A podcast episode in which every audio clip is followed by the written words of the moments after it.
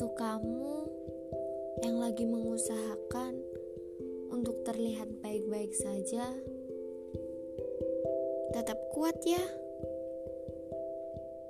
Kamu gak sendiri.